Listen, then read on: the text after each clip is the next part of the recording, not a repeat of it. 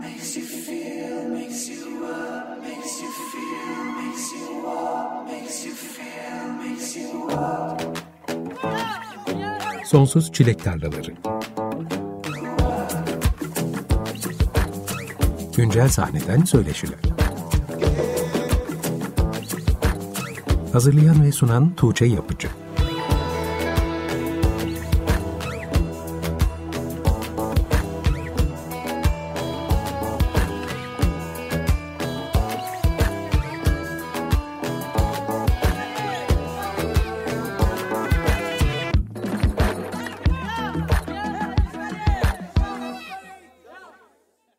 95.0 Açık Radyo'da Sonsuz Çilek Tarlalarından herkese merhaba. Ben Tuğçe Yapıcı. Programa Güneş Özgeç'in Güneş Yüzüm adlı parçasıyla açılış yaptık. Sonsuz Çilek Tarlalarında yılın son konuğu, şarkıcı, şarkı yazarı, müzisyen ve prodüktör sevgili Güneş Özgeç. Hoş geldin Güneş. Hoş bulduk. Seni uzun zamandır konuk etmek istiyorum ama hep belki bir albüm gelir o zaman programa gelirsin diye beklemek istedim. Ama sanırım albüm için biraz daha beklememiz gerekecek. Evet. Ama bir yandan şarkılarını yayınlamaya devam ediyorsun. Son üretimlerinden de konuşacağız zaten bu akşam.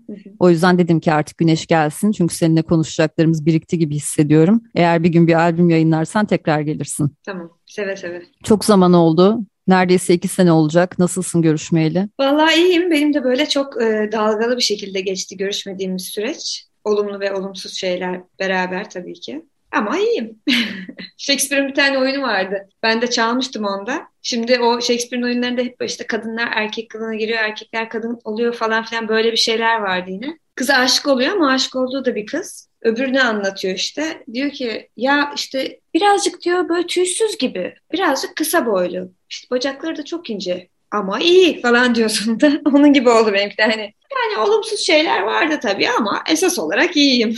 Dalgalı dönemlerden geçtik hepimiz. Evet, dalgalı. Bu yıl iki single bir de remix yayınladın. Single'ların ikincisi çok taze. Yakın zamanda programda da çalmıştım Düş Parçanı. Birazdan tekrar dinleyeceğiz ve üzerine konuşacağız. Pandemi dönemi seni biraz durdurdu mu şarkılarını yayınlama konusunda? Araya pandemi girmeseydi senden daha sık yeni kayıtlar duyar mıydık? Öyle olmadı bence şöyle oldu benim. Ya ben pandemide kendi özel hayatımdaki yaşadığım şeylerle beraber parçalarımı kendim yapmaya kesin olarak karar verdim. O yüzden yani belki de o süreci yaşamam gerekiyordu diye de düşünüyorum. Çünkü ondan önce birileriyle çalışmaya gayret ediyordum. İşte öyle daha iyi sonuç alacağımı düşünüyordum. Ama öyle olmadı. Dolayısıyla o pandemi sürecindeki benim karmaşık hem özel yaşantım hem müzikle ilgili olan şeyleri herhalde yaşamam gerekiyordu ki artık yok yok tamam ben karar verdim diyebilmek için diye düşünüyorum. Çok uzun senelerdir müzik anlamında çeşitli alanlarında müziğin bir birikimin var. Aslında hiç kimseye ihtiyaç duymadan kendi şarkılarını yapabilecek haldeyken bunu fark etmek için belli bir süre geçmesi gerekti herhalde. Ya evet e, hem benim kendi karakter özelliğim herhalde böyle bir çok kendine güvenen bir tip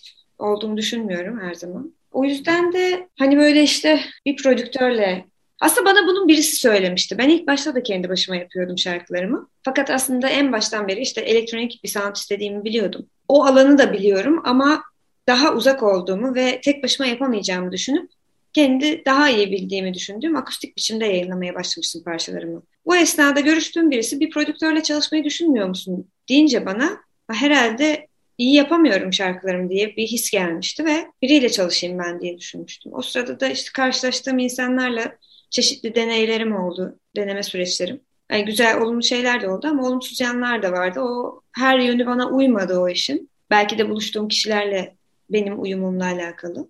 Ve bunun üzerine ben aslında kendime mecburen yani güvenip kendi başıma yapmaya karar verdim gibi oldu. Belki de çok ezbere söylenmiş bir şeydi o bir prodüktörle çalışmayı düşünmez misin? Bence muhtemelen öyleydi. Çünkü şimdi o kişinin söylediği diğer şeyleri de düşündüğümde hani o an öylesine aklına geldi belki söyledi ama işte beni öyle etkilemedi. Şimdi sondan başa doğru gidelim istiyorum. Düş adlı parçan 12 Kasım'da yayınlandı. Aslında senin 2018'de yazdığın bir şarkıydı. Neden bu kadar bekledi bizimle buluşmak için? Arada bizim bilmediğimiz hangi süreçlerden geçti Düş? Düşün aslında çok fazla versiyonu oldu bu sürede. Ya ben ilk işte ilk ya evet ben elektronik bir şeyler yapmak istiyorum mu anladığım parça aslında düş benim. Bir arkadaşım böyle basit bir altyapı yapmıştı. Bunun üstüne bir şarkı yazsana demişti bana. Sevdiğim de biriydi. Ya of, öyle olmaz o falan demiştim ilk başta. Sonra da hani kırılmasın diye e, hadi yazayım falan derken böyle bir çok kolay aktı şarkı yani böyle hızlıca yazdım. Bir, bir buçuk saat içinde diyelim. Benim için hızlı bir süreç. Ve sonra nasıl bir şey istediğimi ha dedim tamam şimdi anladım diye düşündüm. Sonra da işte bunu bu şekilde yapabileceğim birileriyle görüşmeye başladım. Görüştüğüm kişilerle beraber çalışamayacağımı anlayınca o zaman dedim tamam ben bunu akustik olarak yayınlayayım ve zaten diğer şarkılarımı da daha yayınlamaya başlamamıştım. Onları da akustik olarak yayınlayayım. Sonuçta benim şarkılarım bunlar ve ya bir de ben şey düşünüyorum. Yani bir şarkıyı hani söz ve melodi oluşturuyorsa o şarkıların binlerce çeşit versiyonu olabilir. Yani elektronik olur, akustik olur. Hani o sound her şeyi yapabilirsin aslında. Ya oluyor işte Beatles'ın caz versiyonları falan gibi yani. Neyse sonra grupla çalmaya başladık. Benim grup arkadaşlarım da böyle biraz daha o parçayı böyle daha cazzy bir hale getirdiler. Sonra ben akustik olarak yayınlamak için onu akustik bir biçime getirdim. Şu anda üç versiyon oldu. Sonra e, bir prodüktörle çalışmaya karar verdiğimizde ilk bunu yapmayı denedik. Onun birazcık başlattığı dördüncü bir versiyon vardı. Ve benim tek başına gitarla çaldığım belki beşinci bir versiyon vardı. o yüzden ben bunu ben düşü yapacağım yeniden ve yani yayınlamak üzere diye başına oturduğumda ilk başta çok zorlandım. Çünkü sanki şey böyle hani bütün çeşitler yapıldı ve yeni bir çeşit yok gibi aptalca bir düşünce geldi. Böyle bir şey olamaz. Tabii ki sonsuz seçenek var her zaman her şey için. Hiçbir şeyin bir tane yolu yoktur diye düşünüyorum. İlk başta böyle yani kafamdaki düşünceler beni sıkıştırır gibi hissettim ama sonra kolayca aktı o da. Düşün Ahmet Rüstem ve Hakan Sorar'ın elinden çıkmış çok güzel bir animasyon klibi var. Daha önce Kalben ve Teoman'ın Robot Kozmonot parçasının klibini de bu ikili yapmıştı diye hatırlıyorum. Evet. Klip için senin aklında bir fikir vardı da onu mu geliştirdiler yoksa sen onları tamamen özgür mü bıraktın bu süreçte? Ee, ya onlar çok harika tipler gerçekten. Aslında ben onları özgür bıraktım ama onlar o kadar şeyler ki yani tam e, ikisi de gerçek birer sanatçı ve tamamen sanat için yaşayan insanlar. Onlar beni çok deştiler tam olarak ne istiyorsun diye mi? Evet yani tam olarak bu şarkıda ne anlatmak istiyorsun, hislerin ne, işte kelimeler, şeyler böyle çok güzel benimle seanslar yaptılar ve oradan kendilerine bir şablon çıkardılar aslında. Hani kişinin kendi bile tek başına belki düşünemeyeceği şeylere hikayeler çıktı oradan. Beni konuşturdular ve onun üzerine bir yapı kurdular. Ve sonuçta herhalde senin tam anlamıyla içine sinen bir iş çıkmıştır.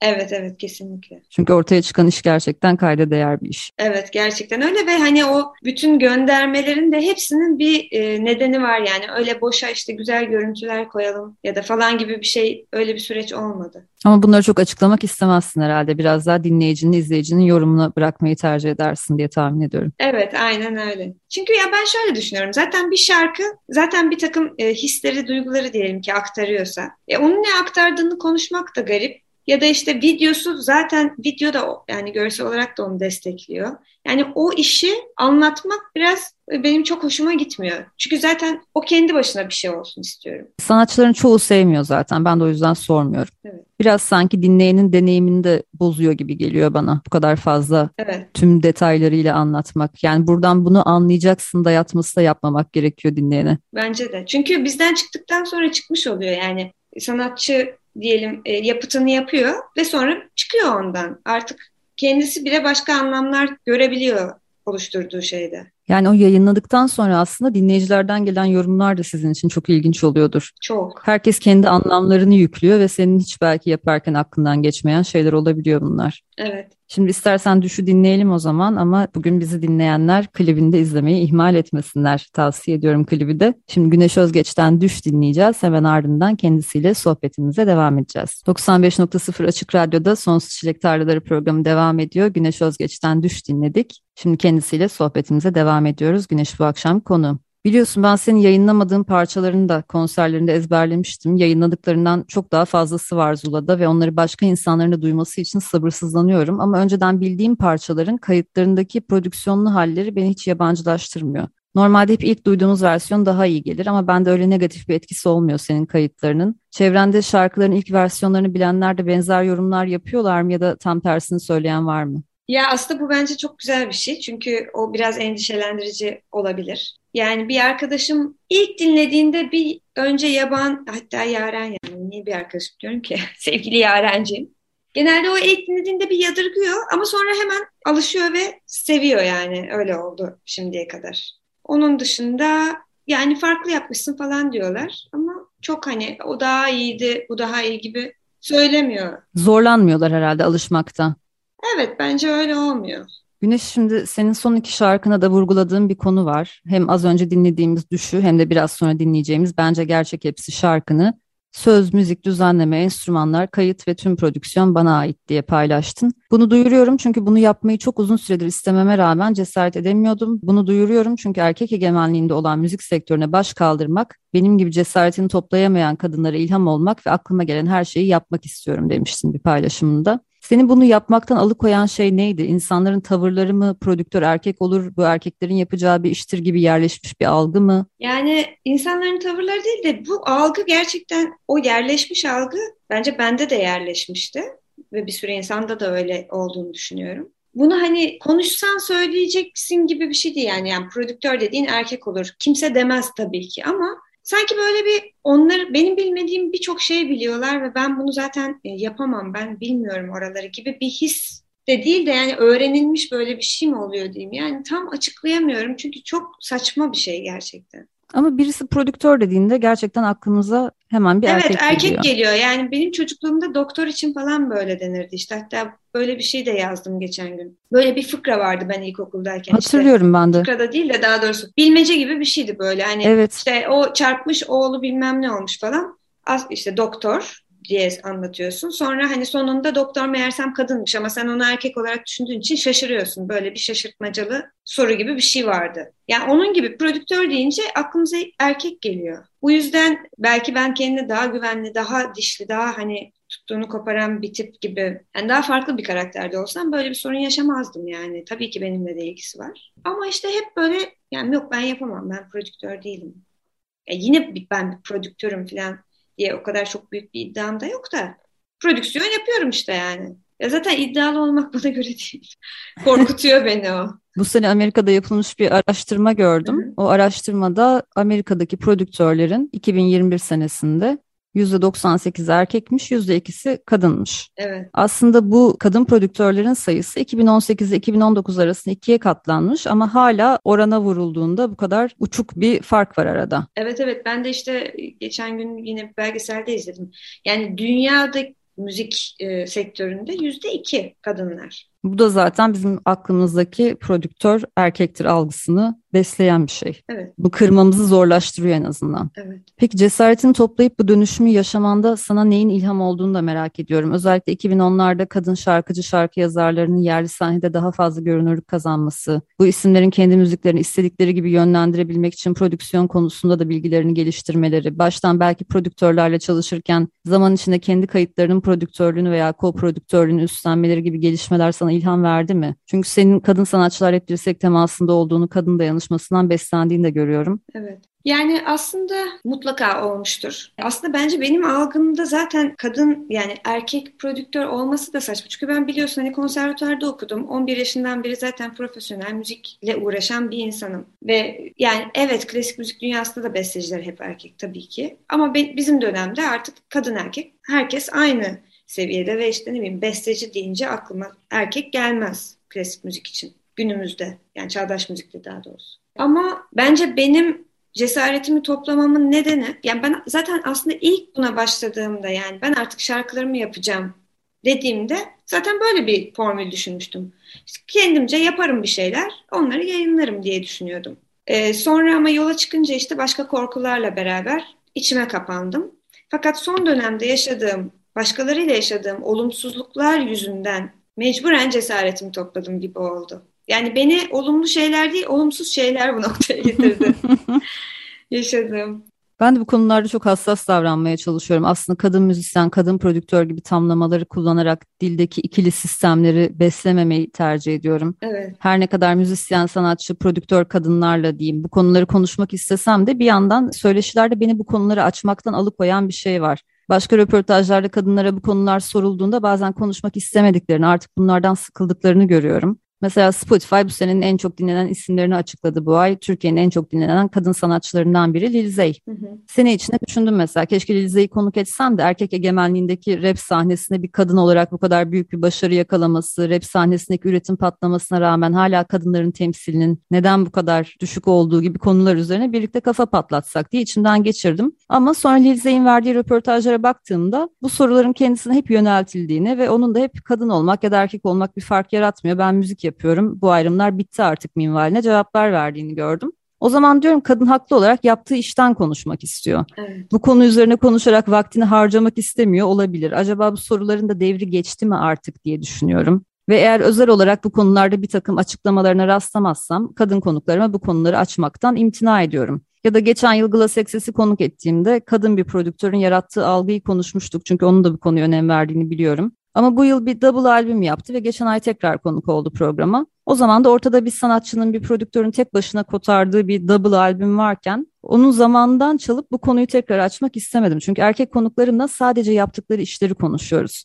Bir saat boyunca albümlerini kapsamlıca doya doya konuşuyoruz ve kadın konuklarımla da aynı şeyi yapmak istiyorum. Çünkü yapmamamız için bir sebep yok gibi geliyor. Senin de yaptığın paylaşımlardan bu konuyu vurgulamak istediğini, üzerine söyleyeceklerin olduğunu hissettiğim için bugün biraz zaman ayıralım istedim. Çünkü belli ki senin hikayende de önemli bir yer tutuyor bu konu. Evet aslında ben işte bunu hep söylemek istememin nedeni belki benim gibi kendine güvenmeyen birileri varsa kendilerine gelsinler istiyorum aslında. Ama çok iki türlü bir şey işte evet. Yani o kadın prodüktör olma meselesinden konuşunca hani sanki bu ekstra bir ekstra bir şeymiş gibi oluyor. Ama Evet o algıyı da beslemek istemiyorum Onu işte. beslemek de çok kötü ama bir yandan hani bu Black Lives Matter işte ama All Lives Matter arasındaki evet. tartışma gibi bir şey. Yani sonuçta All Lives değil Black Lives Matter. Çünkü bu var yani ırkçılık var ve bunun karşısında durmak gerekiyor. Dakine benzer bir şey var aslında burada da bence. Yani Lize aşırı haklı bu arada. Bence ben de zaten bir süre sonra bu muhabbetten sıkılacağım eminim. Sadece ben kendi yaşamımda bunun bir e, karşılığını yani daha doğrusu bunun önemi var şu an benim geldiğim noktada. O yüzden sürekli söylüyorum ki birileri de bundan faydalanır belki diye açıkçası. Ama aslında tabii ki yani ne fark eder kadın, erkek veya işte kendini nasıl tanımlıyorsa o kişi. Umarım yakın zamanda biter yani. Bunu tartışmak zorunda kalmayız artık yakın zamanda. Evet zaten artık bizim zamanımız geliyor falan. artık prodüktör deyince artık kadın oluşacak falan. evet kadın düşüneceğiz evet ama evet. ilk aklımıza gelen şey bir kadın prodüktör olacak. Bir de şöyle bir şeyden bahsetmiştim bir paylaşımında dikkatimi çekti. Bir sohbet esnasında sen işlerinden bahsederken birisinin sana eşim prodüktör olsaydı keşke gibi bir şey söylediğini yani hatırlıyorum. Evet çok yakın zamanda ve çok genç bir insandı. O beni çok şaşırttı. Bu şey gibi mi yani her genç kızın hayali beyaz gelinliktir safsatası gibi her müzisyen kadının da hayali bir prodüktör koca mıdır yani? Yani bir de bu mu çıktı şimdi? Aynen çok komik. Ya mesela bak bunu gerçekten 40-50 yaşlarında birisi söylese o kadar şaşırmazdım. Çünkü sen de demin de dedin yani bu konuların biraz modası geçiyor mu? Evet geçiyor çünkü. E, genç biri söylediği için çok şaşırdım bunu. Ya yani onların başka türlü baktığını düşünüyordum. 20'li yaşlarında biriydi yani diyelim ki 25 falan olabilir. Ve ısrarla da bunun iyi bir şey olacağını savunuyordu herhalde. Çok tuhaf beni duymuyor gibiydi. Ben yapıyorum zaten işte ben şimdi şimdi onu anlattım ya zaten ben yapmaya başladım artık ve yapıyorum iyi oluyor falan diyorum. Ama işte aslında eşin şey olsaydı falan diyor hala. Çok tuhaftı. Bazen yani insan zihnindeki seslerden karşısındakini zaten duyamıyor. Öyle bir durum yaşanmış bence orada. evet aynen öyle. Güneş yine dikkatimi çeken bir şey kadın sanatçılarla genellikle kayıt dışı sohbetlerimizde heyecan konusu gündeme geliyor. Sahne heyecanı ya da röportaj verirken heyecanlanmak gibi şeylerden daha fazla bahsettiklerini fark ediyorum. Hatta hiçbir erkek konuğumun heyecandan bahsettiğini hatırlamıyorum bile. Belki algıda seçiciliktir bilmiyorum. Ama ben de çok heyecanlı bir insanım ve o yüzden empati kurabiliyorum. Deneyim de benim heyecanımı hiç törpülemiyor. Deneyimle birlikte sadece daha iyi kontrol edebiliyorum. Dışarıdan anlaşılmayacak bir seviyeye getirebiliyorum. Ama yine de performansını düşüren bir etken olduğunu düşünüyorum heyecanın. Hı hı. Mikrofon başında konuşurken işte e, ı falan demek ya da bir kelimeyi yanlış telaffuz etmek benim başımdan aşağı kaynar sular dökülmesine sebep oluyor. Hata yapmak dünyanın sonuymuş gibi geliyor. Halbuki muhtemelen kimsenin umrunda bile değil ama hep kadınların heyecandan bahsetmesi. Acaba bu da kadın olmanın getirdiği bir şey mi? Üzerimizdeki kusursuz olma baskısı mı bu heyecanı doğuruyor? Hata yapmaya daha fazla anlam yüklememize mi sebep oluyor diye düşünüyorum. Bu da kafamı kurcalayan bir konu. Sen de heyecanlı bir insan olduğunu röportajlarında dile getiriyorsun. O yüzden sana da sormak istedim. Belki üzerine düşünmüşsündür diye. Hiç düşünmemiştim ama olabilir. Evet yani bir de bir sürü belgesel izliyorum. Şey gibi oldum şu an. Ben bir çek belgesel izlerim falan. ama neyse yani böyle arkadaşlarımla falan da gülüyoruz buna. Çünkü sürekli belgesel izliyorum. Çok iyi belgeseller var. Ben onları izledikçe daha iyilerini önüme koyuyor falan. Neyse orada da işte kadınlar ve bu durumlarla ilgili birçok şey izliyorum. Yani hala dünyada kadınlar işte o daha az para kazanıyorlar ya saat başı. Bir ya da iki ülkede falan bu durum değişmiş durumda. Yani dolayısıyla biz zaten hep daha e, ikinci sınıf vatandaşız zaten tüm dünyada bu böyle şu an. Onun da üstüne çıkmak için belki fazladan çaba sarf edip dediğin gibi hem de bir yandan da çok güzel olmamız, çok genç olmamız, çok sevimsiz olmamız falan filan da gerekiyor. Yani bütün bunların baskısıyla da bu biraz daha fazla olabilir bilmiyorum. Yani bizim her yaptığımız işte kendimizi kanıtlamamız gerekiyor. Evet. Şimdi bir parça daha dinleyelim istersen. Az önce bahsettiğimiz Bence Gerçek Hepsi şarkını dinleyelim. Ardından bu şarkıdan da biraz bahsedelim. Açık Radyo'da Sonsuz Çilek Tarlaları programındasınız. Güneş Özgeç'ten Bence Gerçek Hepsi dinledik. Geçtiğimiz Haziran ayında yayınladığı parçasıydı. Bence Gerçek Hepsi'nin geçmişi ne zamanla dayanıyor Güneş? Yayınlanana kadar nasıl yollardan geçti bu şarkı? Onu da 2019'da yapmıştım. Böyle benim için çok duygusal bir parçaydı. İlk başta söyleyemiyordum ağlamaktan çalarken konserlerde falan. Sonra aslında bunun öyle düş gibi binlerce versiyonu olmadı yani. ilk ve tek versiyonu bu. Bir de akustik olarak çaldığım hali. Bu benim e, ilk aslında hani işte tamam ben bundan sonra kendi şarkılarımı kendim yapacağım. Full kendim evde deyip oturduğum ilk parça. O yüzden böyle çok gittim, geldim, işte oynadım. Sonra yok dedim ya olmuyor dedim, kapattım. Aradan bir ay geçti. Açıp dinledim. Aa olmuş aslında ya dedim falan. Ve yayınlamaya karar verdim. Böyle bir kendi iç çatışmalarımla dolu bir süreçti o yani ilk olduğu için bence. Parçanın bir de Kerem Doğrar imzası taşıyan remixi yayınlandı. Hı. Aslında senin ilk defa bir şarkının remixi yayınlanmış oldu. Nasıl gelişti bu işbirliği? Yani Kerem bu şarkıyı duyduğunda e, çok sevmişti sağ olsun. Çok sevdiğim bir arkadaşım. Ya dedi bunu ben mi yapsam falan. Aa olabilir dedim o zaman. Daha yazdı. Ben dedim bir onu toparlayayım falan sana atayım dedim. Sonra işte ben kendim çalışmaya başladım ya Kerem bunu biraz. Bir, ben biraz oynayayım da öyle şey yapayım falan. Sonra dedim ki Kerem ya ben bunu kendim yapacağım. zaten hani zaten kendim yapmak istiyordum ama hani güvenemiyordum. Beraber mi yaparız diye düşünmüştüm ama yok yok dedim. Ben bunu kendim yapacağım. Sen en iyisi buna remix yap. Böylece herkes kendi istediği şeyi yapmış olur dedim. O da tamam dedi. Başka şarkılarına da remixler düşünür müsün? Hoşuna gitti mi yani bu remix fikri? Çok hoşuma gitti. Şimdi belki neyse şimdi çok taze diye söylemeyeyim de. belki öyle bir şeyler daha olacak. Bu parçanın klibinin çekimi de Kapadokya'da gerçekleşmişti. Kimden çıktı Kapadokya fikri? Aslında şöyle oldu. Şimdi Dinçer'in, Dinçer İşgel'in yaptığım bir küçük belgesel vardı. Beni de çekmek istemişti. Sonradan da ben bu şarkıyı çalmıştım. Bu şarkı belgeselin açılış şarkısı da olmuştu ve tanıtımlarda kullanılmıştı falan. O yüzden ben bu şarkıyı yapınca Dinçer'le çekmek istedim aslında. Çünkü öyle bir esprisi olmuş oldu. Yani Dinçer o belgeselde bunu kullandığı için bunu yapmaya karar verdim ilk.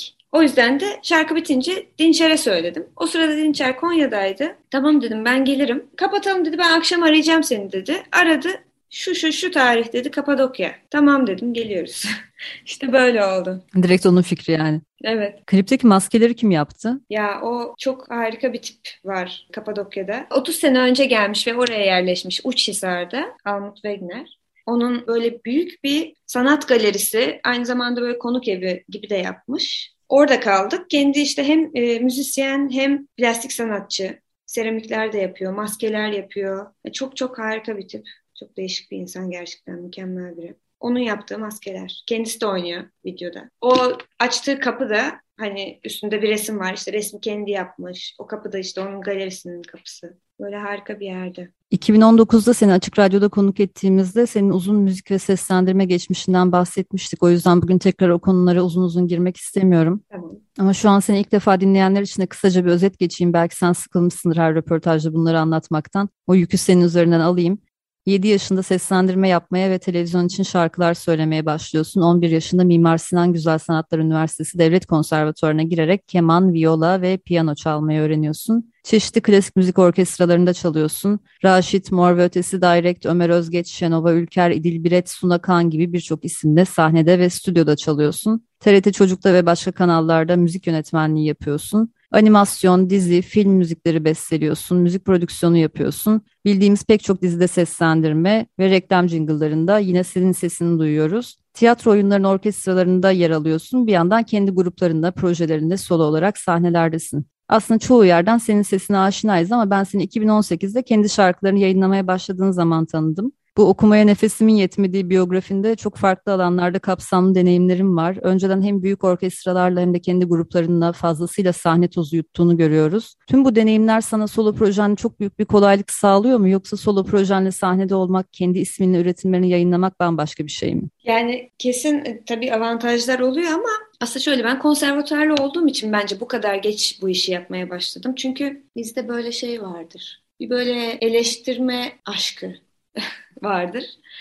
Hep belki de şey hani böyle okul çok uzun sürüyor 10 sene ve 10 sene boyunca hep bir eleştiriye maruz kalıyorsun. Ve o yüzden belki sen de eleştiren oluyorsun. Ve genelde böyle eleştirilmek ve eleştirmekle geçiyor günler. O yüzden de bir şey ya ben şunu yaptım ve yapacağım demek çok zor oluyor. Çünkü yani benim için çok zor oldu ama görüyorum başka arkadaşlarım da zorlanıyorlar veya yapmıyorlar zaten. Hani böyle bir şey yapıyorsan mükemmel yapman lazım falan gibi bir algı. Halbuki neden? Halbuki neden? Yani halbuki ki, yapa yapa mükemmelleşiyor. Halbuki yapa yapa mükemmelleşiyor. Aynen öyle. Yani mükemmelleşmiyor hatta. Ama yapa yapa daha iyi oluyor. Hiçbir şey ilk yaptığın zaman mükemmelle yakın ya da işte senin kafandaki mükemmel olmaz yani. Hep daha iyisi olacak. Öyle bir şey o. Bir de canın ne yapmak istiyorsa onu yap zaten. İnsanı üretmekten de alıkoyan bir şey aslında. Evet evet. Mükemmel olma kaygısı. Evet. Çünkü mükemmel diye bir şey yok zaten. Yani şöyle tabii yani müziğe dair çok fazla şey biliyorum. Bunlar tabii ki kolaylık sağlıyor. Ya örneğin işte ne bileyim gitar çalmayı bilmiyordum. E, tamam canım ne olacak öğrenirim dedim hemencik öğrendim gibi. Yani tabii ki gitar çalmayı öğrendim derken kendime gitar çalıyor bile demem de tıngırdatmayı diyeyim ya da işte kendime eşlik edecek kadar çalmayı diyeyim. Mesela bu bir tane örnek yani bunun gibi müziğe dair şeyleri bilmediğim kısımları bile hani daha kolay öğrendiğimi düşünüyorum. Ama sahnede bir orkestrayla olmak ya da tek başına olmak, kendi solo projenle olmak arasında nasıl bir fark var senin için? Yani şimdi sahnede orkestrayla çalmak eşlikçi oluyorsun. O başka bir şey. Ya orada heyecan falan olmuyor bende yani. Ben bir ne bileyim klasik müzik orkestrasında çaldığım zaman hiç heyecanlanmıyorum. Yani tatlı tatlı bir heyecan oluyor tabii de şey demek istiyorum. Ya orada eşlikçisiniz Burada daha başka bir şey var. Burada ben ortaya bir şey koyuyorum ya. Kendi isminle, kendi imzanla. Evet yani ben bakın bunu ben yaptım demek biraz daha farklı bir şey bence. Birine eşlik etmek çok daha kolay ve risksiz. Seslendirme konusunda artık daha seçici davranıyorsun sanırım ama son dönemde üzerinde çalıştığın işler var mı? Animasyon var bir tane konuştuğum. Bazen böyle hani reklam falan oluyor. Ama daha çok jingle söylüyorum. Yine o da seslendirme gibi. Gerçi şarkı söylemek o ama.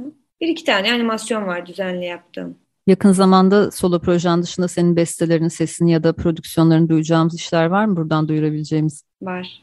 Kalben'e iki tane şarkı yaptım. Bir tane de şarkının yaylı aranjmanını yaptım. Bu arada ben hep düzenleme diyordum buna. Ama geçenlerde bir arkadaşımla konuşuyorduk. Yani aranje aranjman ya da işte aranje yapmak ya da aranjör olmakla düzenleme başka bir şey dedi yani. Farklı algılanıyor dedi. O yüzden şimdi ben aranje demeye karar verdim. Sonuçta kalbine iki tane şarkı, bir şarkısının da yaylı aranjmanını yaptım.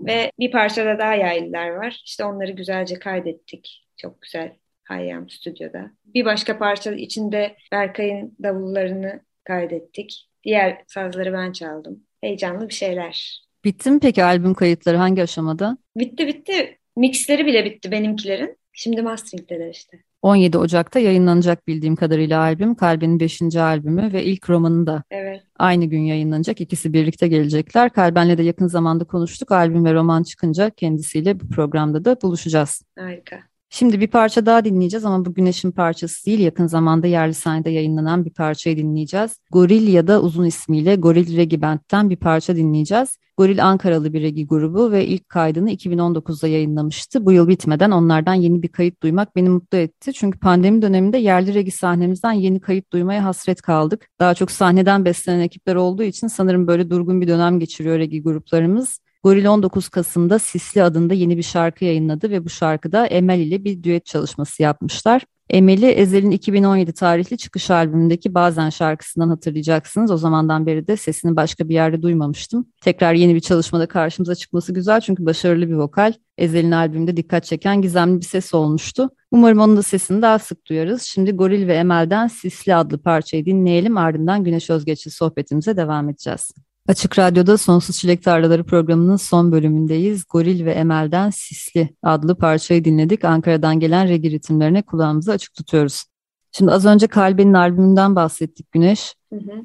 Kalbi'nin kadın sanatçıları desteklemek amacıyla başlattığı bir Paradiso Fest projesi var. Pandemi öncesinde Paradiso Fest'leri hızlandırmayı düşünüyordu. Pandemide biraz kesintiye uğradı ama şimdi sahnelerin açılmasıyla beraber tekrar sahnelere döndünüz. Evet. Kadro her etkinlikte değişiyor ama sen de birkaç kere yer aldın sanırım. Evet. Nasıl geçiyor Paradiso Fest'ler? Ben hala gelemedim. Ya çok güzel geçiyor ya. Gerçekten harika geçiyor.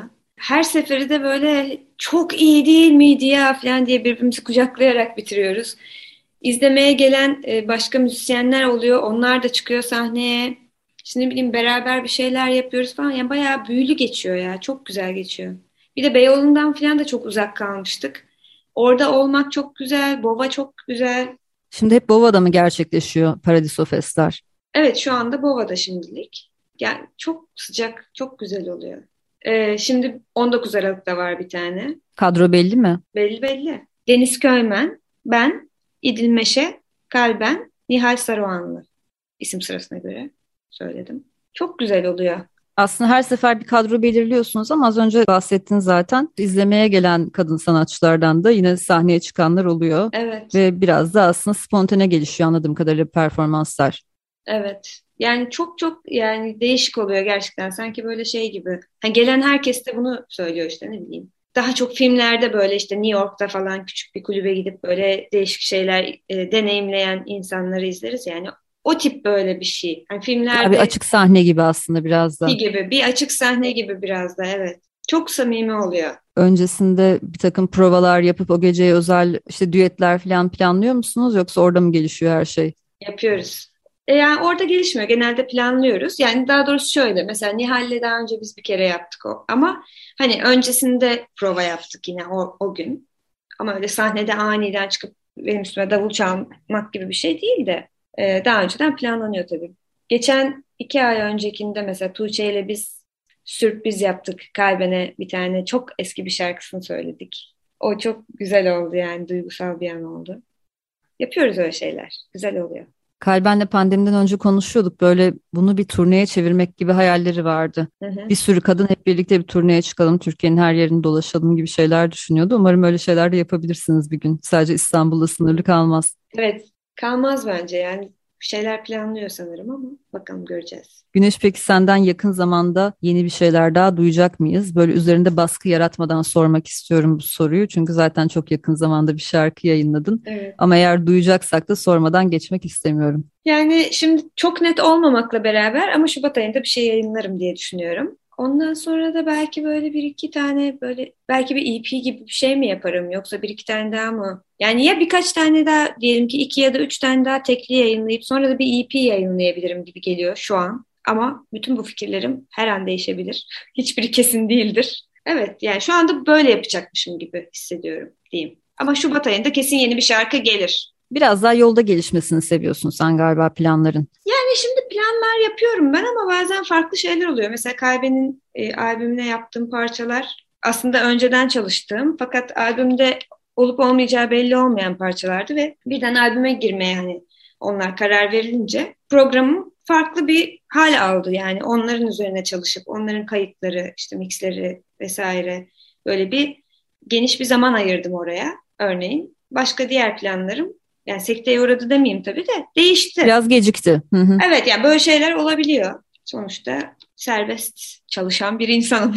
o yüzden. ya bir de son bir şey söyleyeceğim işte bir sürü planlar falan yapıyorduk. İşte pandemi oldu ne oldu yani planlar değişebiliyor. O zaman çok teşekkürler Güneş. Seni özlemiştim. Uzun bir aradan sonra tekrar buluşup arayı kapatmak güzel oldu. Benim için de. Henüz yayınlamadığın şarkılarının kayıtlarını da duymak için sabırsızlanıyorum. Arayı çok açmadan yayınlamaya devam edersin umarım. Evet. Ve seni sahnelerde tekrar görmek için, konserlerinde tekrar buluşmak için de sabırsızlanıyorum. Son olarak eklemek istediğin bir şey var mı? Ben teşekkür ederim esas beni konuk ettiğin için ve çok güzel bir söyleşi oldu. Sonsuz Çilek Tarlalarının bu haftalık da sonuna geldik. Bu akşam konuğum şarkıcı, şarkı yazarı, müzisyen ve prodüktör Güneş Özgeç'ti. Güneş'in son dönemdeki çalışmalarından bahsettik ve 2021 bitmeden bu programda kendisiyle ilk kez buluşmuş olduk. Aynı zamanda bu seneki son konuğum oldu Güneş. Önümüzdeki iki hafta boyunca da 2021'de yerli sahnede yayınlanan işlerden seçkiler dinleyeceğiz ve böylelikle bu seneyi kapatacağız. Son olarak sizlere Güneş Özgeç'in İkarya adlı parçasıyla veda edeceğiz. Gelecek pazartesi yine saat 20'de Açık Radyo'da Sonsuz Çilek Tarlalarında görüşünceye kadar hoşçakalın.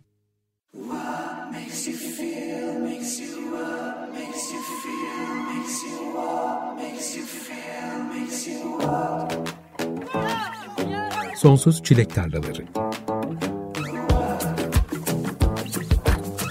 Güncel sahneden söyleşiler. Hazırlayan ve sunan Tuğçe Yapıcı